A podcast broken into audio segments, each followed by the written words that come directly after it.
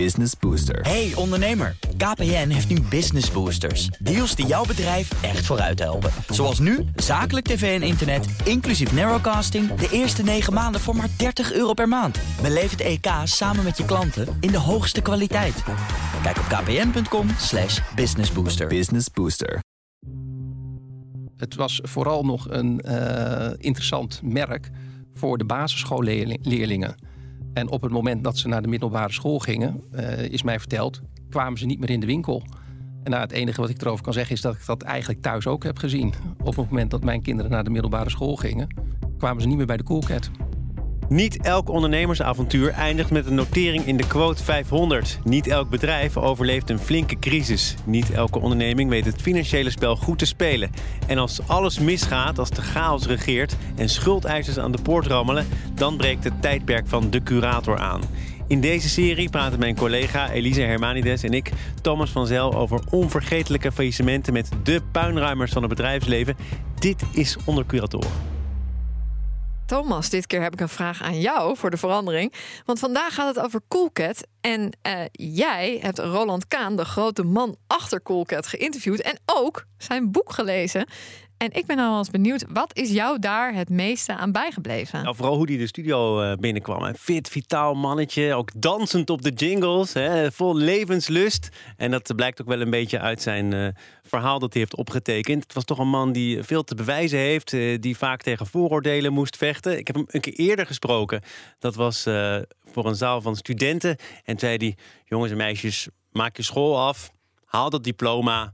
Maar ik, ik heb het diploma van de straat. En daar draait het om. dat is ook Roland Kaan eigenlijk. En ik kan me voorstellen, eh, want ik heb hem dus pas op latere leeftijd ontdekt, maar jij kende die winkels al. Ja, ik kende die winkels al. Want ja, ik was ook ooit een puber. En dan ging ik met een vriendin de stad in om eh, te winkelen voor de outfit voor het schoolfeest. En ja, dan ging ik naar Coolcat. Want daar kon je leuke uh, naveltruitjes kopen voor niet al te veel geld. Uh, ik moet zeggen, ik vond het soms wel een tikje ordinair. Dus ik ging liever nog naar Miss Selfridge. Um, ik weet niet of jou dat nog bekend is, uh, Thomas. Jij had natuurlijk, uh, jij was natuurlijk een jongen. Dus, is er ook een faillissement overheen gegaan? Ik ken niet. volgens mij zijn die wel uiteindelijk verdwenen. Britse keten, meen ik. maar dat terzijde. We duiken vandaag dus in het faillissement van het ooit zo succesvolle Coolcat. Dat werd opgericht begin jaren 80. En onze gast van vandaag weet daar natuurlijk alles van.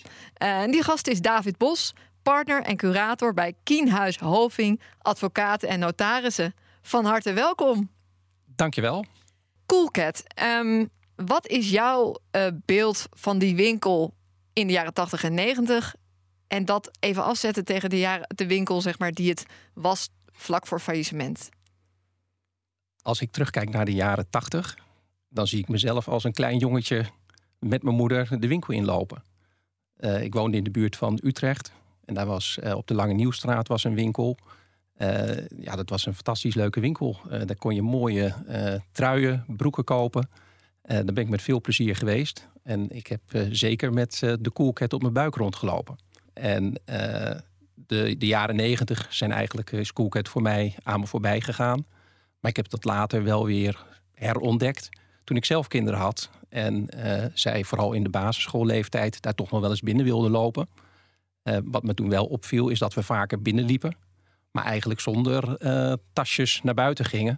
Omdat het misschien, wat je zelf ook net wel zegt, ja, net een tikkeltje aan de ordinaire kant was. En dat ik dacht van, zal ik mijn dochter daarin laten rondlopen? Of zal ik dat toch maar niet doen? Ah, je moet altijd zonder je vader of je moeder naar de koelket, volgens mij. Ja, maar mijn dochter vindt het toch wel heel fijn als ik mee ben. Want ik ben iets makkelijker met het geld uitgeven dan. Oh ja, dat is ook weer uh, belangrijk natuurlijk. Maar het was een populaire winkel, maar dat nam eigenlijk al wel af. Ja, het is uh, heel succesvol uh, geweest, denk ik, de formule. Dat heb je in de loop van de jaren heb je wat wisselingen gezien. Maar uh, in de laatste jaren voor het faillissement zag je, als je naar de cijfers kijkt, dat de verkopen aan het afnemen waren. het was vooral in de decemberperiode, hadden ze altijd een enorme piek in de verkopen. En dat sluit eigenlijk ook weer prachtig aan bij jouw intro.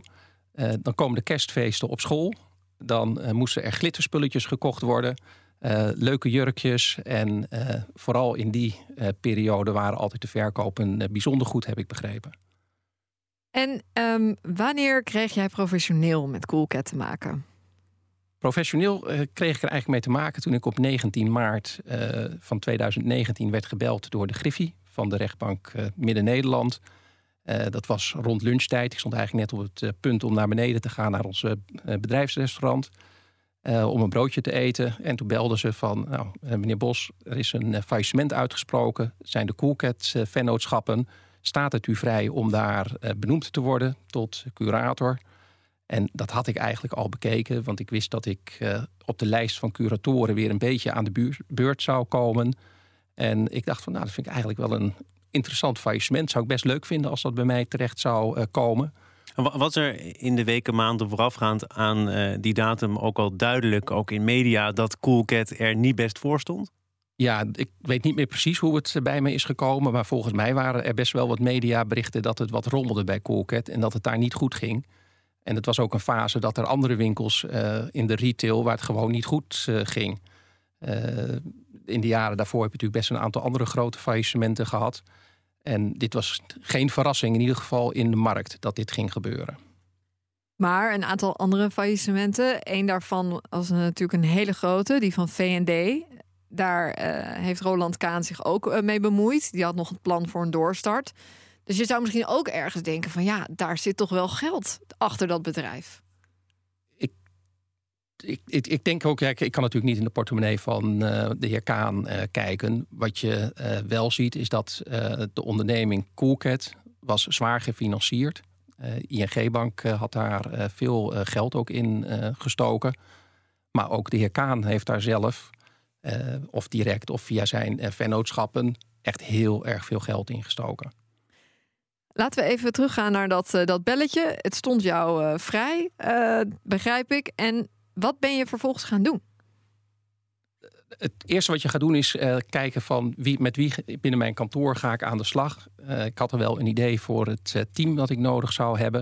Ik had natuurlijk nagedacht van dit zijn veel winkels, dus er zal veel personeel in zitten. Dus ik heb wat collega's van de sectie arbeidsrecht nodig, die eh, zeg maar het hele ontslagtraject wat gaat lopen. Hoeveel winkels waren het? Want eh, ja, Coolcat in elke serieus te nemen winkelstraat het waren was er een grote kans er één tegen te komen. Zeker, het waren rond de 90 winkels.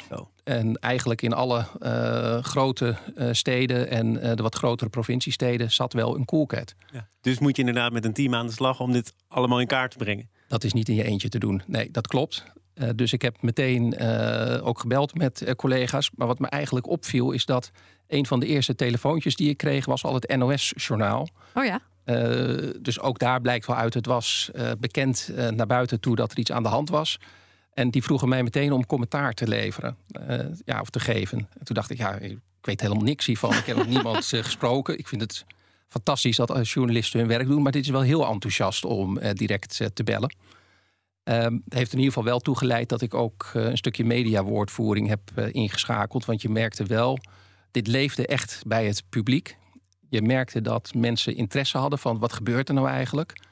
Eh, je merkte ook wel wat eh, kritiek van eh, buiten, van wat is er eigenlijk aan de hand met die onderneming. Ja. Maar ja, eigenlijk op zo'n eerste dag, wat ga je doen? Je gaat bellen, je belt de bestuurder die er, die er zit. Van nou ja, ik ben aangesteld, ik ben de curator en kunnen we elkaar later vandaag ontmoeten?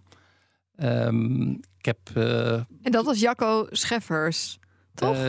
ja, die was erbij betrokken. En de heer Van Renen. Eh, dus ik heb met hen heb ik eh, gesproken. Eh, bleek al heel snel dat ook de ING-bank een belangrijke rol had als financier.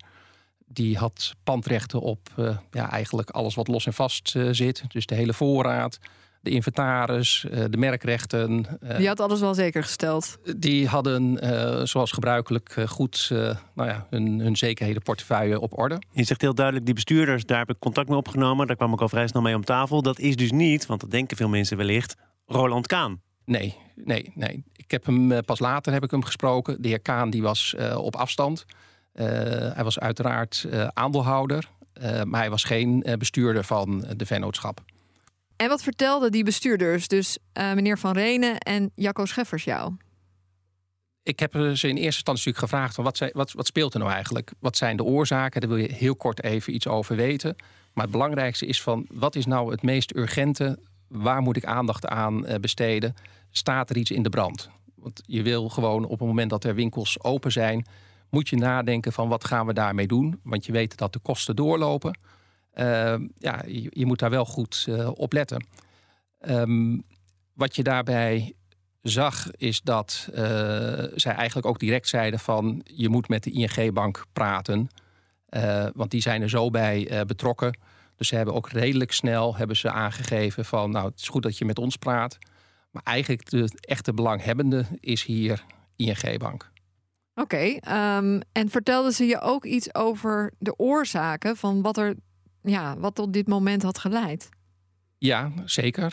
Um, wat je daar hebt gezien bij uh, Coolcat is dat ze uh, de pech hebben gehad dat er een uh, hele warme zomer vooraf is gegaan. Dus de winkels hebben volgehangen met hele mooie dikke winterjassen. Is het zo klassiek, ja? Toch ja. het weer? Ja, het weer heeft echt wel mee gespeeld. En dat heb ik ook gezien aan de voorraad die nog aanwezig was. Daar zaten gewoon heel veel uh, wintercollectie zat daar nog in. Uh, en uiteindelijk in de uitverkoop lukt dat wel om dat kwijt te raken. Maar dat heeft wel een behoorlijke impact op een onderneming.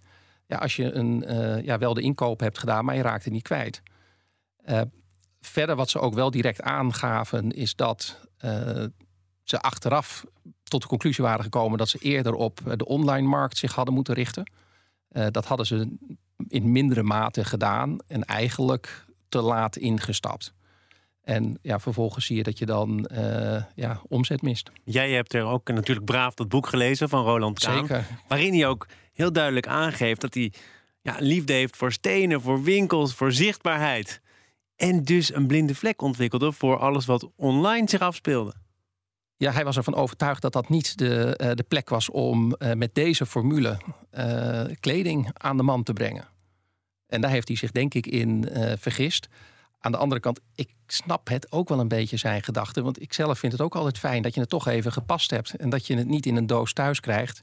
Ja, dit, is, dit is inmiddels 2023, toen was het klopt. 2019 natuurlijk. Ja, nee, dat klopt. Maar het, het probleem was misschien breder, toch? Want je had ondertussen ook heel veel concurrentie. Natuurlijk van zoiets als de Primark, wat ja. echt nog goedkoper was. En uh, ja, daar gingen pubers met hordes naartoe. Zeker. En dat was ook een van de problemen. Dat waren de pubers. Het was vooral nog een uh, interessant merk voor de basisschoolleerlingen. En op het moment dat ze naar de middelbare school gingen, uh, is mij verteld, kwamen ze niet meer in de winkel. En nou, het enige wat ik erover kan zeggen is dat ik dat eigenlijk thuis ook heb gezien. Op het moment dat mijn kinderen naar de middelbare school gingen, kwamen ze niet meer bij de Coolcat. Terwijl ik juist als puber uh, daar mijn eerste stappen zette ja. in die winkels. Ja. ja. Wie, wie, weet, net een andere... Ja, net een andere generatie. En um, ja, dus dat is, dat is de verklaring vanuit uh, die bestuurders. Um, we komen er zo wel op of, of er misschien toch niet meer aan de hand was. Uh, maar wat ga je dan op zo'n moment doen? Want jij hebt dan de positie als curator om te bedenken... moeten die winkels dicht? Moeten ze open blijven? Wat deed je? Bellen met de bank. En die zijn meteen uh, gekomen voor een uh, gesprek. Uh, om te kijken of je afspraken kan maken over de verkoop van de voorraden en over het openhouden van de winkels of het sluiten van de winkels. Uh, en dat is een, nou, dat is met ING-bank is dat een, een aardig gesprek dan. En dan zie je de tegenstellingen, want ING wil natuurlijk zoveel mogelijk van de opbrengst ja, daar zich op kunnen verhalen. Ja. En als curator zit je uh, met een uh, boedel en zit je met crediteuren die je wilt uh, gaan betalen op termijn. En dan wil jij zoveel mogelijk van die opbrengst naar je toe kunnen halen. Maar het openhouden van die winkel zelf kost natuurlijk ook geld. Dat kost, er niet is. Kost zeker geld. Dus dat moet uit de exploitatie betaald gaan worden. dus dat is voor mij ook altijd het uitgangspunt geweest. Van als de winkels open blijven, dan moeten ook gewoon de lopende kosten moeten we kunnen gaan betalen. En vervolgens gaan we kijken hoe we een restant opbrengst kunnen verdelen. En dat is een, een lastig gesprek geweest. Op een gegeven moment heb ik ook gezegd tegen ING-bank van... nou, ik denk dat we de winkels vanaf morgen maar dicht houden. Want dan, uh, ja, als jullie niet willen bewegen, dan houdt het uh, nu op. Maar waarom wilden ze niet bewegen? Uiteindelijk is dat het klassieke verhaal van... Uh, hoeveel wil je prijs geven en hoeveel wil je de ander gunnen. En ja, dat is een onderhandelingsspel. Want um, zij hadden ook gewoon kunnen zeggen: Nou ja, wij hebben uh, pandrecht op ongeveer alles. Uh, dus wij gaan dat gewoon op een andere manier te gelden maken. Ja, dat is, uh, op, op papier is dat een hele leuke gedachte. Maar in de praktijk werkt dat natuurlijk niet. Want als je uit 90 winkels al die voorraad moet gaan terughalen. hoe ga je het, hoe ga je het verkopen? Waar maar is dat het, ook dan het gesprek wat je voert met zo'n bank? Uiteindelijk is dat de essentie ervan. Zo van, nou ja, als u niet wilt bewegen, dan gaat u het maar zelf doen als bank. Uh, maar dan weet u eigenlijk dat er veel minder opbrengst zal zijn. Dus jij had een sterke positie. Jij kon zeggen, dan gaan die winkels morgen dicht in de wetenschap dat ING zich nog een keertje achter de oren zou krabben en wellicht toch tot een ander oordeel zou komen. Ja, je hebt daar een sterke positie bij. Aan de andere kant, en dat weet de ING-bank ook, eigenlijk is dat geen reëel verhaal. Want je weet ook, op het moment dat je dat doet, dan komt er ook helemaal niks in de boedel. Dus je hebt ook het belang om wel mee te werken. Uh, dus het is een beetje, uh, nou ja, een beetje bluffpoker ook. Maar moet ING dan ook wel wat boedelkrediet verschaffen aan jou om uh, dat allemaal draaiende te houden? Dat viel uiteindelijk wel mee hoeveel boedelkrediet er nodig was, omdat de verkopen doorgaan. Dus je ziet dat er gewoon inkomsten zijn en daaruit kan je de lopende kosten betalen. Dus dan is het niet dat er nog extra geld in hoeft voor de bank. Nog even terug naar die bestuurders. Hè? Um, je had die bestuurders en je had natuurlijk de aandeelhouder. Hoe was de verhouding tussen die bestuurders en die aandeelhouder? Was dat allemaal puis en vree of was dat toch een beetje lastig geworden? Nou, je moet een klein stukje terug in uh, de tijd voorafgaand aan het faillissement. Want toen zaten er uh, twee bestuurders die uh, nou, uiteraard het, het, het, periodieke overleg hadden met het, het, de, de, aandeelhouders van hoe gaan we nou verder met Coolcat? Hoeveel geld hebben we nodig? En dat zijn stevige gesprekken geweest. En uiteindelijk heeft dat ertoe geleid dat een aantal weken voor het faillissement, nadat de bestuurders dat eerst ook eh, echt wel hebben aangekondigd, dat ze hebben gezegd van ja, wij stoppen ermee, wij kunnen geen verantwoordelijkheid meer nemen voor eh, wat er nu gebeurt. Dus jij had eigenlijk de bestuurders die jij trof, dat was eigenlijk net een nieuw stel, want daarvoor waren er mensen vertrokken. Dat klopt. En, uh, de een mevrouw, meen ik? Ja, dat klopt inderdaad. En ook een, een, een, heer die daar heeft gezeten. Um, ja, die hebben daar de keuze gemaakt van tot hier en niet verder. En wat daar een belangrijk punt voor hen was, is dat ze op het punt stonden om een nieuwe collectie in te moeten gaan kopen. Dus voor een nieuw seizoen. En dan kom je op ja, altijd de lastige keuze van ja, als ik niet zeker weet of ik dat nog kan gaan betalen, ga ik dan die opdracht geven of doe ik dat niet? En zij hebben de afweging gemaakt van ja, wij weten niet zeker of dat mogelijk is ja, dan kunnen we dat niet doen. Want anders lopen we het risico dat we daar persoonlijk aansprakelijk voor worden gehouden. En dat is uh, natuurlijk de, uh, de kant van de medaille die je niet jouw kant op wil laten vallen. Dus dat vond jij wel begrijpelijk?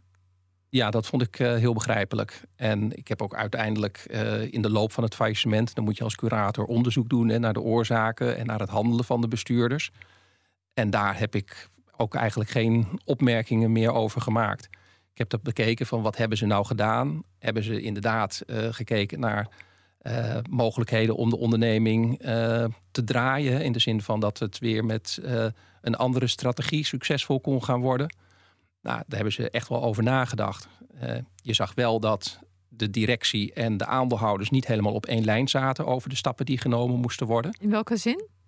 Um, wat ik heb begrepen is dat uh, de aandeelhouders eigenlijk een net andere uh, koers op wilden dan uh, dat de bestuurders toen voor ogen hadden. Maar je weet niet wat daar inhoudelijk achter zat? Nee, dat, dat durf ik niet zo, zo te zeggen. Jij hebt zeg maar ook natuurlijk naar de administratie gekeken. Klopte dat helemaal? Was dat op orde? Op de eerste dag dat ik ben benoemd, heb ik ook meteen gebeld met een accountant, met Rienk Terveen. Uh, en hem gevraagd van heb je tijd om mij uh, te helpen met dit faillissement? Want ja, ik ben curator, advocaat en ik kan best wel een balans lezen. Maar ik heb niet de, de, de kennis en kunde om dat helemaal uit uh, te spellen. En ik wist ook als je doorgaat met het draaien van deze onderneming, dan moet het echt gewoon goed vastgelegd zijn. Die accountant is voor mij ook in de boeken gegaan. Die is er ook in gaan graven. en die heeft eigenlijk na een eerste quickscan gezegd van... nou, David, als curator kan je hier op aan van deze administratie. Die ziet er gewoon keurig uit. Voorraadadministratie uh, klopt. Uh, uiteraard, als je een steekproef gaat nemen, dan zal er eens een keer een spijkerbroek uh, ontbreken. Maar niet dat je tot hele grote verrassingen komt. Kom je dat vaak anders tegen? Ja, heel regelmatig. Dat administraties gewoon niet deugen. Dus dit was een meevaller? Dit was een grote meevaller, want op het moment dat die administratie niet klopt en als de administratieve systemen niet sluiten, ja, dan kan je gaan verkopen. Dan kan je wel zeggen van samen met die ING, we gaan een traject in. Ja, maar als je gewoon geen idee hebt wat er gebeurt in een organisatie, dan ga je achter de feiten aanlopen en dan kan je het achteraf ook niet verantwoorden. Uh, dus eigenlijk al in de eerste paar dagen was het signaal dat ik kreeg van je kan aan op deze administratie. En dan zeg ik op dat moment oké, dan gaan we daarmee uh, verder werken. En vervolgens uh, zal ik uh, nog in het kader van het rechtmatigheidsonderzoek nog wel wat verder in die administratie gaan, gaan duiken. Van wat er nou eigenlijk allemaal gebeurd is. Daar komen we zo op terug. Um, ehm, 90 winkels en die hield je dus open. Hoe doe je dat als curator? Ja, dat is een, eh, een behoorlijke uitdaging. Maar, en dat is wel heel erg leuk om te doen. En dat doe je natuurlijk niet alleen. Uh, het allerbelangrijkste is gewoon het personeel wat in dienst is bij Coolcat zelf. Uh, dat waren hele loyale werknemers. Hoeveel waren dat er ongeveer? Uh, ongeveer 1100 in Nederland. En er waren ook nog een paar uh, buitenlandse uh, vestigingen... waar ook nog iets van, ik geloof 100, 150 mensen in dienst En die moest je formeel aansturen. We praten hier met iemand die plotseling een grote jongen was in de winkelstraat. Z zeker, zeker. En dat overkomt me niet elke dag. maar gelukkig loopt dat uiteindelijk via de managementlagen van Coolcat. En we hebben zelf wel heel veel contact gehad met de ondernemingsraad. Nou, jij moet wel zicht houden, denk ik, op de belangrijke vraag: gaan die loyale medewerkers ook echt weer aan het werk? Hoe loyaal zijn ze? Waar houdt dat op? Ik heb gemerkt dat ze heel loyaal zijn. Ik denk dat we één vestiging hebben moeten sluiten, omdat daar was al eigenlijk onderbezetting. En op het moment dat, we, uh, dat het faillissement er was en dat ik ontslag heb aangezegd, is dat daar iemand zei van ja, weet je, dan is het voor mij ook gewoon niet meer te doen. Ik liep al uh, op mijn tandvlees, uh, ik stop ermee. Nou, op 90 winkels dat je er eentje moet sluiten omdat het niet meer kan, dat vind ik een uh, acceptabel uh, getal. Uh, wat je dan ziet is dat al die werknemers die blijven doorgaan. We hebben ze ook, nou ja, denk ik op dag één ook gezegd van een van de allerbelangrijkste dingen is jullie veiligheid. als de winkels open zijn, let op je veiligheid. En dat was toen ingegeven door het faillissement van Intertoys, wat een aantal maanden daarvoor was geweest grote speelgoedketen. Uh, ja, en daar is het best nog wel in de winkels wat uh, ruw aan toe uh, gegaan. En nu ook weer bij BCC, hè? Nu ook bij BCC. Ja. Ehm, en wat je daar vooral bij ziet, is een stukje emotie bij klanten. En dat zijn vooral de klanten die nog iets te goed hebben van de, de, de, de winkel. De cadeaukaarten. De cadeaukaarten. Ja, en er waren hier vele duizenden cadeaukaarten verkocht. En dat varieerde van uh, een tientje tot 25 euro, maar soms ook van uh, eh, 100 euro. Ja, en die mensen zijn boos. En wat we op dag 1 en 2 achteraf constateerden, is dat er meteen een run op de winkels was van mensen met die cadeaukaarten. En mag je die nog inleveren na een faillissement? Daar, in principe zijn ze nog steeds geldig. Over het algemeen zal een curator zeggen van we stoppen met die cadeaukaarten, want het levert niks meer op voor. Uh, voor de boedel. En deze curator zei dat ook? Deze curator heeft dat ook uh, gezegd. Vraag maar even. Nee, zeker. Dat is uh, op het moment dat we. En door... daar worden mensen dan boos van? Ja, daar worden ze heel pissig van. En sommigen worden daar ook wel wat link van. want ja, het is toch gewoon geld. En wat je bij bijvoorbeeld Intertoys had gezien, dat heel veel van die cadeaukaarten in de schoen van Sinterklaas, zeg maar, waren verdwenen. Dus dat er heel veel teleurgestelde kinderen waren. Nou, dat beeld had ik ook nog bij uh, Coolcat. Van nou, dat zou wel eens een issue kunnen worden met het uh, personeel. En ik zit er niet op te wachten dat er mensen uh, nou ja, boos aan de toonbank staan en het personeel wat aandoen. En dat viel uiteindelijk reuze mee. Er zijn echt wel mensen gekomen die boos zijn geweest dat die cadeaukaarten niet meer ingeleverd konden worden. Maar zoals je laatst hoorde over BCC, dat ze winkels echt hebben moeten sluiten omdat er een stormloop was en dat de spullen van de muur werden getrokken hebben we bij, bij Coolcat niet gehad. Uh, ik heb altijd gezegd, als er dingetjes gebeuren... het enige wat je kan doen is of uh, de beveiliging van het winkelcentrum uh, bellen... of je belt direct de politie en je informeert mij. Nou, ik heb één keer terugkoppeling gehad dat ze, ze de beveiliging van het winkelcentrum erbij hebben gehaald... en dat er gevraagd is, wilt u de winkel verlaten? Nou, en iemand is schoorvoetend de winkel uitgegaan en die heeft nog wat gevloekt en dat was het dan. En hoe ging het? Uh, kwamen er opeens veel meer mensen naar Coolcat? Tijdens die laatste ja, jawel, Dat, ja, zeker. Uh, het zijn toch Hollanders, hè? Dus uh, als er een koopje te halen is, dan komen de mensen wel. En wat je ziet is dat we een ook wel een verkoopstrategie hebben ingezet. Daar ben ik ook door begeleid door het NTAB, het Nederlands Taxatie- en Adviesbureau. Die hebben heel veel ervaring in dit soort retail faillissementen. En die hebben samen met ook de, mensen van Coolcat gekeken van hoe kan je dit nou goed verkopen. En dan zie je natuurlijk dat je gebruikelijke stappen hebt met het afprijzen van, ja, van de spulletjes die in de winkel liggen. Dus gaat het van 90 naar 70, 50 en nou ja, steeds naar beneden. Daar zit echt wel een gedachte achter. Maar wat we eigenlijk op de eerste, nou, eerste weken al zagen, is dat er opeens heel veel spijkerbroeken verkocht werden. En dat er echt mensen in één transactie zeven, acht spijkerbroeken kochten. Oh. En kennelijk, ik heb dat nooit geweten, maar waren er hele populaire spijkerbroeken van Coolcat een bepaald model waarvan da mensen dachten, nou dan koop ik voor de komende vier jaar koop ik uh, mijn spijkerbroeken even. Zeker. En uh, die vlogen echt als warme broodjes uh, de deur uit. Maar als je gaat stunten met die prijzen, en dat gaat natuurlijk in toenemende mate gebeuren, doet dat wel iets met je marge. Het moet uiteindelijk nog wel ja. iets opleveren, want daarom zijn die winkels überhaupt nog open. Ja, nee, dat klopt. En dat scheelt natuurlijk in faillissement dat je heel veel kosten eigenlijk niet meer betaalt. Alles uit het verleden, dat vergeet je eigenlijk. Ja, in de winkels ligt die voorraad al. Ja, die ga je verkopen. En eigenlijk het enige waar je rekening moet houden is... verkoop ik wel de spulletjes die echt van Coolcat zijn... of verkoop ik spullen die van anderen zijn? En dan kom je bij de eigendomsvoorbehouden. En um, het personeel, waren die even los van um, die hele uitverkoop... waren die nog ja, boos of verontwaardigd over hoe het was gelopen? Dat, ja, dat, dat Coolcat uiteindelijk ten onder was gegaan? Nee, die waren niet boos. Die waren uh, redelijk uh, gelaten eronder. Ze hadden het ook wel aanzien komen. En ze hadden ook echt het idee, we hebben met z'n allen hebben ervoor gestreden. We hebben gedaan wat we konden. Ja, en het houdt een keer op. En ze waren echt wel ervan overtuigd dat ze geen andere mogelijkheden meer gehad hadden op dat moment om het tij nog te keren. En um, nou, je doet zo'n hele uitverkoop, uh, ook met voor een deel boedelkrediet van uh, de bank. Krijgt die bank dan uiteindelijk ook meer uit de boedel? Of werkt het niet zo? Nou, de, uh, de verkopen zijn goed gegaan. We hebben toen in de eerste fase, dan zit je op basis van historische cijfers te rekenen. Van wat kunnen we nou eigenlijk verwachten als we hier een week of zes open blijven. En die zes weken is gebaseerd op het personeel dat je nog een, een, tijdje in dienst hebt. Ja, de regeling met het UWV. Klopt. Want dan ga je rekenen van wat ga ik nou eigenlijk binnenhalen als, ja, als boedel. En welke kosten staan daar tegenover? Want als je aan het begin al ziet dat uiteraard de kosten hoger zouden zijn dan wat je verwacht binnen te halen, ja, dan moet je echt de winkel sluiten. En toen hebben we gedacht van nou, het zal wel ergens 2,5, 3 miljoen dat we kunnen binnenhalen in die periode. Maar uiteindelijk is het als een malle verkocht allemaal. En zijn we uh, richting de 9, 10 miljoen uh, zijn we gekomen in die periode. Heb je een switch naar de retail overwogen?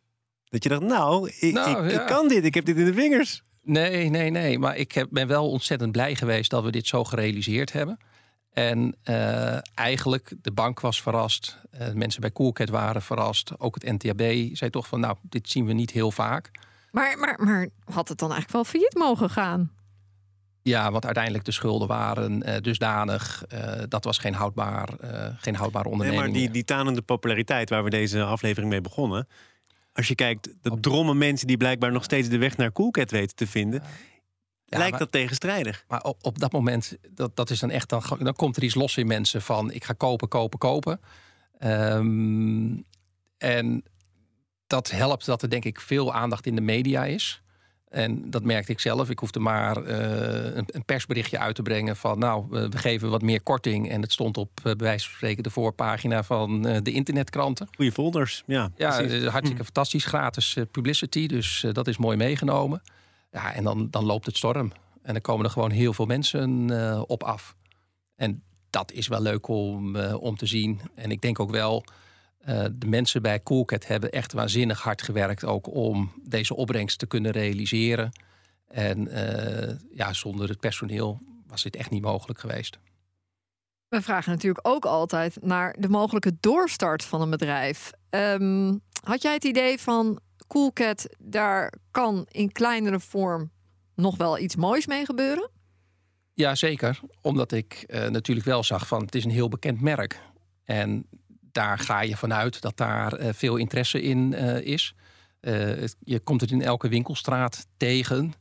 Dus waarom zou dat niet kunnen? Nou, en uiteraard was dat ook voor mij een van de redenen om de winkels open te houden.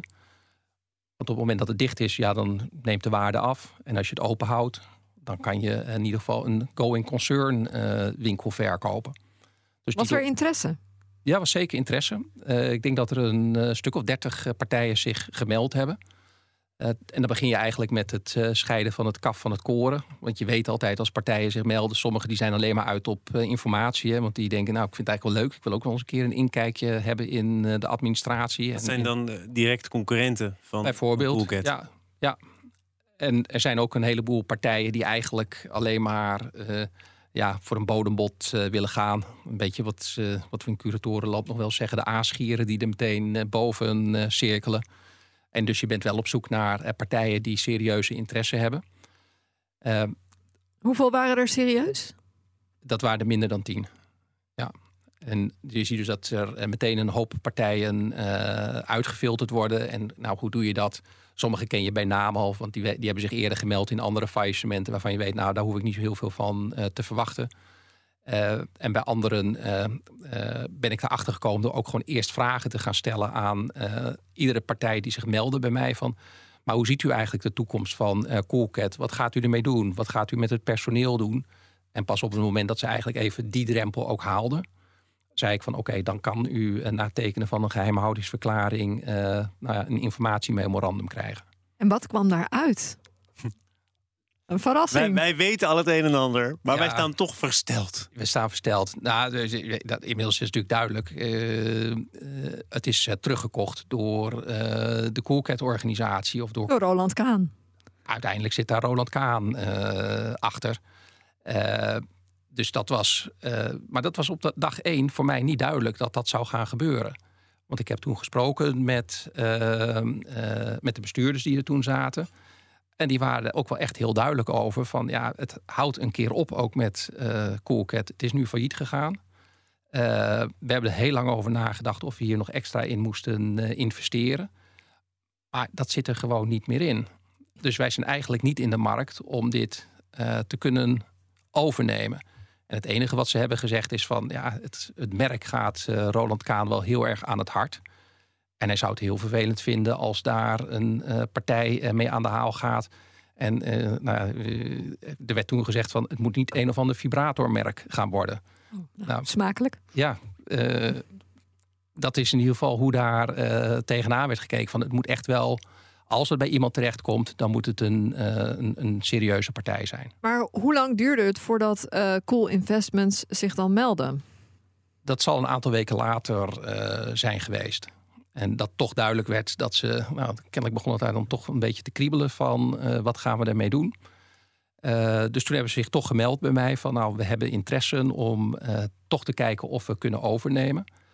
Ik denk dat dat ook wel een stukje ingegeven is, omdat ik geloof uit mijn hoofd 19 of 20 van de winkels, de, de, de panden, die waren ook gewoon eigendom van Cool Investment, dus van de, de, de organisatie. Ja, daar hebben ze toch ook vulling voor nodig. Toch nog even voor mijn beeld. Wat weet je als mogelijk geïnteresseerde van andere kandidaten? Met andere woorden, de vrees die daar heerste, het merk wordt verkwanseld. Kwam dat ook voort uit het feit dat ze wisten dat er kandidaten, gegadigden waren waar ze weinig fiducie in hadden?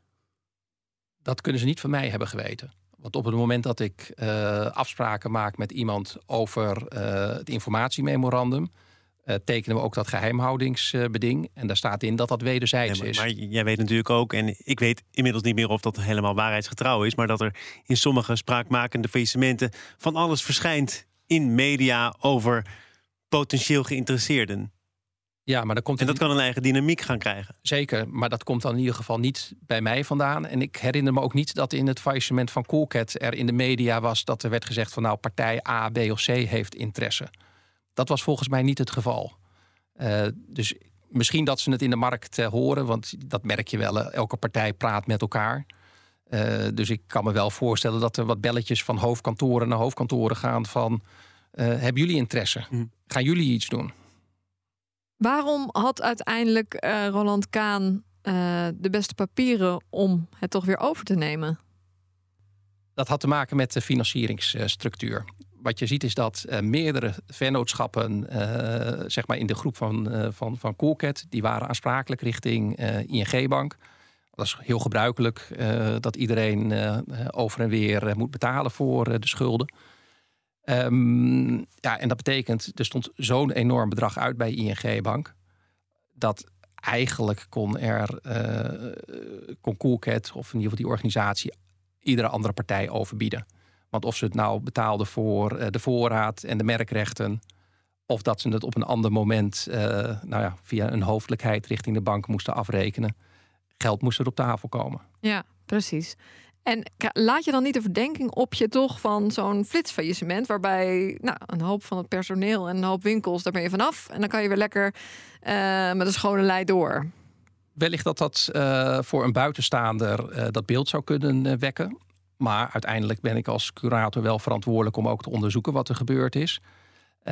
en ik heb niet de, die conclusie getrokken van dit is een flitsfaillissement geweest en het is met voor opgezette raden gedaan. Uh, als je gewoon kijkt naar de, de financiën, dit was uh, nou eenmaal de uitkomst. Uh, dus nee. En uit jouw onderzoek is ook niet gebleken dat er ergens iets malafide heeft plaatsgevonden? Nee, eigenlijk was dat heel saai.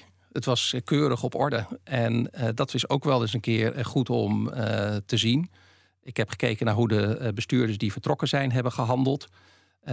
Daar zegt eh, Ronald Kaan in zijn boek ook over van ja, ik vind dat ze anders hadden kunnen handelen, dat ze dingen niet goed hebben gedaan. Maar dat ziet dan wellicht op van ja, hadden we net even in de strategie ietsjes meer naar links of ietsjes meer naar rechts moeten gaan. Maar vanuit zeg maar bestuursaansprakelijkheidsperspectief hebben ze gewoon gedaan wat ze moesten doen en viel hen niks te verwijten. En kun je misschien uiteindelijk zeggen dat Coolcat gewoon ja, in de jaren 80 en 90 zijn succesjaren had en dat op een gegeven moment gewoon ja, de koek op was? Ja, ik denk zelf uh, dat ieder merk heeft een bepaalde uh, lifespan. En dat dit aan het eind van uh, de levensduur is gekomen. En eigenlijk het enige wat echt succesvol was op het laatste moment was de junior collectie. En dat is ook hetgene waar ze mee door zijn gegaan. Want wat is er nu nog over van Coolcat? Wat, wat heeft die doorstart uiteindelijk opgeleverd? Geen winkels meer. Nee, bij de doorstart was al wel bekend. Ze zouden nog even uh, open blijven. Want er was natuurlijk ook nog voorraad om uit te verkopen. Toen zeiden ze al van we gaan in ieder geval door met uh, Coolcat Junior. Dat hebben ze ook gedaan. En ik denk dat je dat nu uh, nog online kan kopen. Bij Weekamp. Bij Weekamp. En dan eindigt het eigenlijk met... Ja, de strategie was destijds te laat op online. En dat is wel waar ze nu mee bezig zijn. Dank, David Bos, partner en curator bij Kienhuis Hoving Advocaten en Notarissen. Dit was Onder Curatoren. Wil je meer gesprekken horen met de puinruimers van het bedrijfsleven? Abonneer je dan via jouw eigen podcastkanaal of via de app van BNR.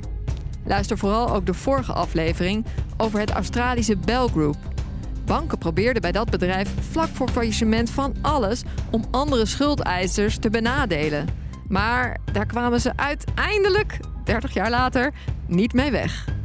Dankjewel voor het luisteren.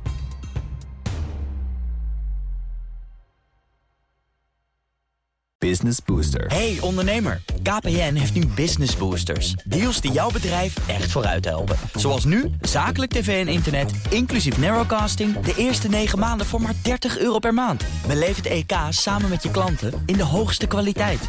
Kijk op kpn.com businessbooster. Business Booster.